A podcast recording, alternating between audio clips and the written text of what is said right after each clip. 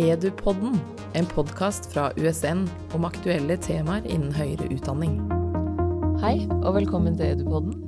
Jeg er Liv Lofthus, og i dag har jeg med meg førsteamanuensis Caroline Croix. Førsteamanuensis i pedagogikk ved EDU.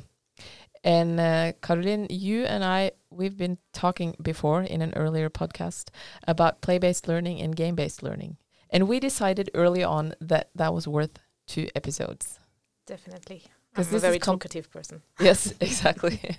and this is uh, pretty complicated stuff. Yeah, it, it can be, definitely. No one has any satisfying answers here. So it's going to be interesting to see. Yeah, because uh, this is your area of expertise, and I'm uh, trying to learn.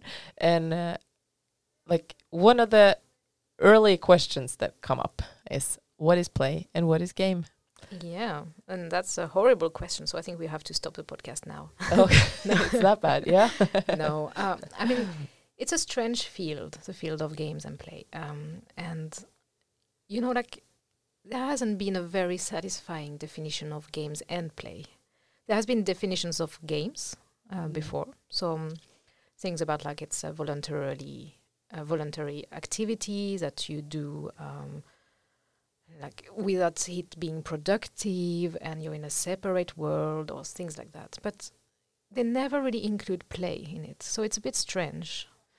But volunteer is that is that a word that you agree on that is important when it comes to these things? Well, I think that yes, of course, if you want to play, no one can forces you to play. But I still don't think it's a satisfying definition because all of these classical definitions, if you take Caillois or Huizinga, they're looking at activities. So they're defining games out of different examples of activities. And it's what we said in the first podcast, right?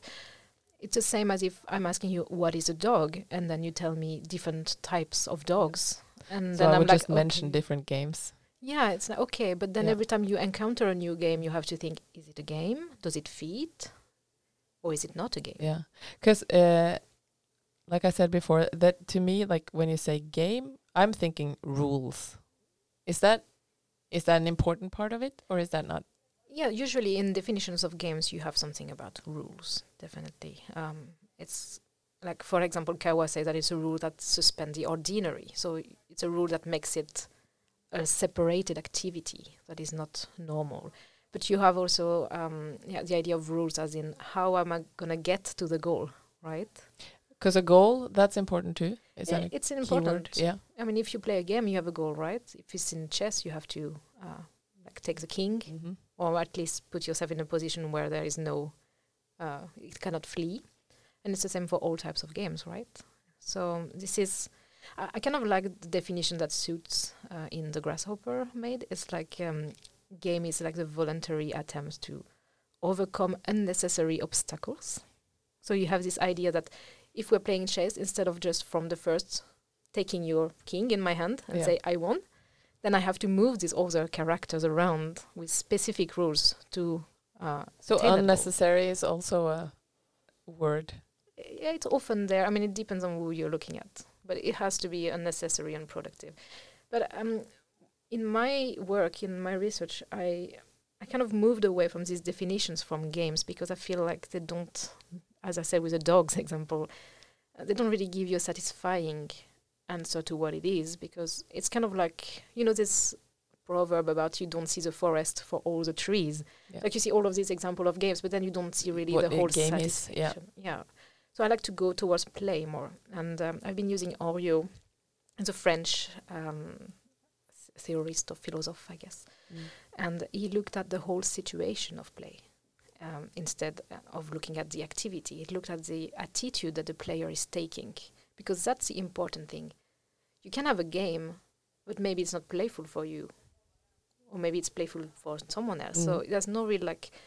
Um, there's nothing that stays that is permanent whereas the play the attitude that you're taking here is interesting it's always you're always playful when you're playful Yeah. Yeah that was a very good tautologic example but uh, maybe we should talk about No, I, I was because I was yeah, but I was wondering also when you're saying that it wasn't really satisfying with the like game because there is no definition of what a game is. Is there a clear definition of what play is? Not really. I mean, you can. Um, like I, I've been reading lately Sicart, and he's quite interesting. And he says that play it's a mode of being human because play is something that we all do when we're kids and when Mhm. we grow up, and animals do it too. So it's something that is part of being alive. But but what is it? yeah, We it's, all do it, but what is it? unsatisfying. Yeah. yeah, and that's just so frustrating, right? I mean, that's the same with games. In, in fact, it's like we all kind of know what a game is, but we cannot really say what it is. yeah, It's- exactly. But then we were talking about earlier how it's still y- you kind of know when you're doing it when you're when you're playing, uh, and then I was trying to problematize, uh, and and I'm not quite sure. Uh, oh, most of the time I know when I'm playing, but what about like irony and I'm playing and you're not playing and who's playing and yeah, it's very problematic, and you also have the issue of dark play when it gets very dark and scary. yes, So um, yeah, it's a very complicated thing, and I think one interesting thing also when we look at these definitions is to look at the languages. Yes, because in English or uh, French, it's the same uh, to play and game and play. Yeah. Leke og spille. So yeah, you already have a difference between Norwegian and English, right? You play a game, but you don't leke spill. In Norwegian, you spill and spell. So um, yeah, there's this difference here that is already interesting. And in French, it's the same. It's jouer un jeu. So it's the same word. And I think that's why it's interesting to read French philosophy about that because then you start from a different place, right? Mm-hmm. You don't start from playing game being separated. It's kind of artificial separation. But then you go and you say it's the same thing, but one is the activity and one is the attitude I'm take to, taking mm. towards it. And here I also quite like what Sicart is saying that games are just one manifestation of play. They're just one Out kind of of activity out of others. There are n- other ways of playing. You don't absolutely need a game. But uh, which other types of play is it that you can? Of course, there's many that you can't really say what is, but what else could be? When we're being playful, like when we tried for 15 times to take this to record this Mhm. podcast, and we were just laughing and laughing, and then you said my name wrong. Yes. I remember that. Uh, yeah, so that's that was not yeah, a but game. then the, that was not a game. But it was playing. We were playing with it. yeah. But then all of a sudden it was. Now I know you were joking. I, I won't forget that you said my name wrong. But that could happen too. You're playing and then no more playing. Yeah, um, I quite like Goffman here, and he's not really been looking at play per se, but it's kind of like this idea of frame, right? We negotiate a situation, and then suddenly maybe someone breaks through, break out of frame. Yeah. Something happens. But now we're talking sociology, I guess. well, that's interesting too. it's very and interesting. and it is a yeah like you're saying it's so complicated and you can't really like where does it start and where does it end Mm. uh, but i then i think it's very interesting because you've been uh, studying playful learning and uh, how do you study something that you don't know Mm. what is That's exactly what Henriot was opening his book with on uh, 69 or 89, I don't remember. Um, he wrote two main ones. That's it's one of the field that studies something without having ever given a proper definition. Like if you look at Piaget, uh, he's a very Mm. famous in uh, learning education. He has written a whole book about how the children are playing together and the developmental stages, and he used play and games a lot in his book, but he's never defining it. Nowhere in the book. just we all know what it is is that Yeah. yeah But is it satisfying to have that? So um, that's why that's why Henriot just started and said, okay, this is not satisfying for him either. So I'm going to look at this through the lens of different sciences. So he's looked at phenom- phenomenology and ethnography, and I don't remember the third one, E. Um, and then he just studied this activity, this phenomenon through the different lenses. And then he came up to, okay, the problem here is that we've been looking at the activity. So le jeu, as he says, like gameplay Mm. in one word, is not in the thing, but it's in the used, like made of it. What use are you making of the thing? So the object or the situation can have more or less playability. mm. For example, if you're at a funeral, very, very low playability. But if you're in, uh, let's say, a playground, very high playability. You see what I mean? Like you have more chances of wanting to play. Yeah, I just I, I just sit here and wonder. So what? of course, uh, it's easy to agree, but what is it that makes the Oh, but that's just like here we could go back to Goffman, right? It's Yeah. negotiated and Yeah. it's also very cultural. Uh, some objects will be more playful in a culture than in another. Uh, so it's all yeah, very linked all to cultural yeah. yeah. But then the, okay, so this situation can be more or less playable, and also objects, as I just say, can be more or less playable.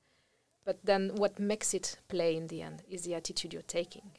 So Yeah. it's not enough just to have objects and situation. It's just you decide to take it as playful. And I think here it's, there's a big difference between people, because some people can be more playful in like a wider range of situations than some others. Yeah. So I think it's creativity is uh, maybe an important word here too. It's funny we talked about how uh, earlier how uh, like you're mentioning that some objects uh, are meant to be playful. And like we both have little kids and how maybe sometimes the the box is more interesting to play with than what we thought would be like the toy or yeah play with this and that's not really funny. It's uh, Yeah, I would say that often it's because the box is more open. Yeah. It gives you more choices, more space for here again interpretation. So it's easier to be playful when you have the space to be playful. yeah But if you look at toys, toys have been yeah, they've been made to be playful and it's really interesting to I haven't studied toys myself, but you can see that the way they're made, the colors that are used, the way they function uh, has been made to create more possibility of being playful. But yeah then you don't really always need to go complicated. I mean, I think I could have more fun personally with a box of Legos than with a very complicated Fisher Price yeah toy. but then again the the like openness it uh, it demands creativity in a, in a way Yeah, and I would say it probably also brings it in. I mean, there's this interesting study of someone else in US, and I'm sorry, I don't remember her name, but she's been studying Legos and creativity. And she saw that when you give instructions on how you're supposed to build the Legos, or when you're completely free and you do whatever you want, then in the task afterwards, a creative task, you score less if you have had instructions. So you're more creative if you have this freedom of choosing things than if you're following instructions. And I think it's just true when you look at kids playing also. Like you can just give them a sandkasse, Mhm. right? Just a lot of sand. Just go and have fun and there can be stories in there and lots of construction and things. So it's more open, there's more yeah but i think for it. um, uh, when you're talking about this it's eh, it becomes clear to me why like play based learning or gamification is so important to bring into like schools and kindergartens and i'm just now that you're talking about lego i know like i think it's so much easier to get the like good instructions. And that's probably because that's what i'm like uh, then someone else told me what to do. Uh, and it's so important to like kind of not not force because you're not going to force uh, playfulness onto anyone but like make space for playfulness and cr- the creativity that follows Definitely, yes, it's very linked to that. If you have the opportunity to play, then you will take it. If you don't have it, it's har- much harder to take it. yeah and then if you're used to not having it then it's Mm. It's probably bad, yeah. But I think uh, also that's why it's very interesting to talk about adult play because play now is something that we have agreed is good at schools. Generally, it's Mm. fine. But it's, we're still talking about kids or teenagers. But I think adults also should have the opportunity to play and the space for creativity. I think you're actually, if I can just come up with a statement, you're better at your job if you have space for playing and uh, being Yeah. playful. being creative but um, again when you've been studying play-based learning or gamification in in school you looked at french um, as a foreign language Mm, in Uh, high school. in high school. Um, what i we've talked about that we don't know what play is. So then, how do you go in and look at these students Mm. and look at their play based? How do you do the research when you don't know what you're looking I guess there were for? there were two steps in the research. So the first step is that I had to um, create this learning situation that would be potentially playful, and there I used uh, well Henriot that I talked about before and Goffman, but also Silva will give some kind of more concrete tips about Uh, you have to work on the structure, on the objects you're giving them, on the uh, different words you're using because they can be interpreted. So if you use words like quest, it gives more, like, it's a higher playability in the situation than if you use task, Mm. for example. This simple thing that feels like, oh, really? Is that going to be enough? and also the context, the fact that it's introduced uh, by the teacher and that it's a separate part of the of the learning of the lesson, and that they won't be graded on it, and so forth and so on. So Mm. many little details. But then in the second part, how do I know if they were playing? Well, I can never really know, but I can look at. I've been uh, taking video Mm. recordings of the students working slash playing with the, the the app, and then I've been uh, coding it and seeing what kind of reaction I see. So if there's laughter, if there's uh, banter, if there's smiles, all these kind of things like markers that I would say, mm, looks like they're having fun. Yeah. But then. I needed, like, it was just my interpretation of what I was seeing. So I also had interviews with the students afterwards to ask them to describe their experience. And the word fun came up a lot, and uh, creative and freedom, these kind of things. It was nice to feel free to do what we wanted within the French class, Yeah. which is So- quite interesting because they were doing French tasks still. yeah, exactly. But then just getting some freedom and uh, Mm. fun. Yeah, I wrote about their autonomy, and I think it's uh, it was a very interesting concept. Yeah. But maybe now we are going a bit away from playing games. yeah, but it's interesting to like where does that lead us to also. But yeah, that the word fun because they didn't probably use the word play when they were talking about uh, what they were doing, or they used that word too. Not that I can remember, no. Det var, det var morsomt. Det var, ja. Fun. Yeah, and so maybe it's not that. Uh, is it important to like say that it's play? Uh, I mean, it would be a bit artificial for them to say, "Hey, I Mm. was playing there," Mm. because you're not. It's not something you're really saying. I have. There's this interesting concept about um, like Bateson says the message this is play. Like you can never say that you are playing because then you're out of the playing and then you're not playing anymore. That's one way of viewing it, of course. Henriot says that you always have to be on the threshold. Yeah. Like you know that you're playing because if you don't know, you're not playing, but Mm. you can't know too much because then you're too out of it. yeah, So it's interesting. that's really interesting. But uh, it's a difficult, uh, difficult area because there is no like def- clear definitions. But does it have to be any clear definitions? No, I mean that's what we're working with, right? It's something very human, very messy. So Mm. we're just we're just trying with what we have. Um, and I mean, I've been recently at a webinar with lots of play theorists and or play researchers, and it's very fun. And one of the m- most common comment was like, every time I learn something new about play in games, I see how much there is to know. Like I feel like I've only scratched the surface. It was so interesting because this feeling that you get when you're like maybe a PhD student, and it's actually what everyone gets because it's a very big field, but it's hard to grasp it. Yeah, it's really interesting. But if people were to be interested in learning more about this uh, this area, where should they go? Read my blog. No. Yes. No. yes. Uh, but you could, I mean, it depends on what you're interested. Like the grasshopper from Suits is very interesting if you're interested in the definition of game because it's easy to read, is using is using the Socratic dialogue style and with goofy characters. So it's kind of fun. But he really kind of ignores play in this. So um, I would say maybe Play Matters. Miguel Sicart from he works in Denmark. It's a good one. And then just just play. Just be playful and see what it play. does to you. yeah, that's a good thing to uh, take with you.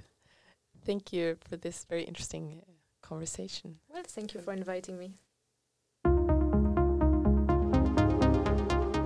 Edupodden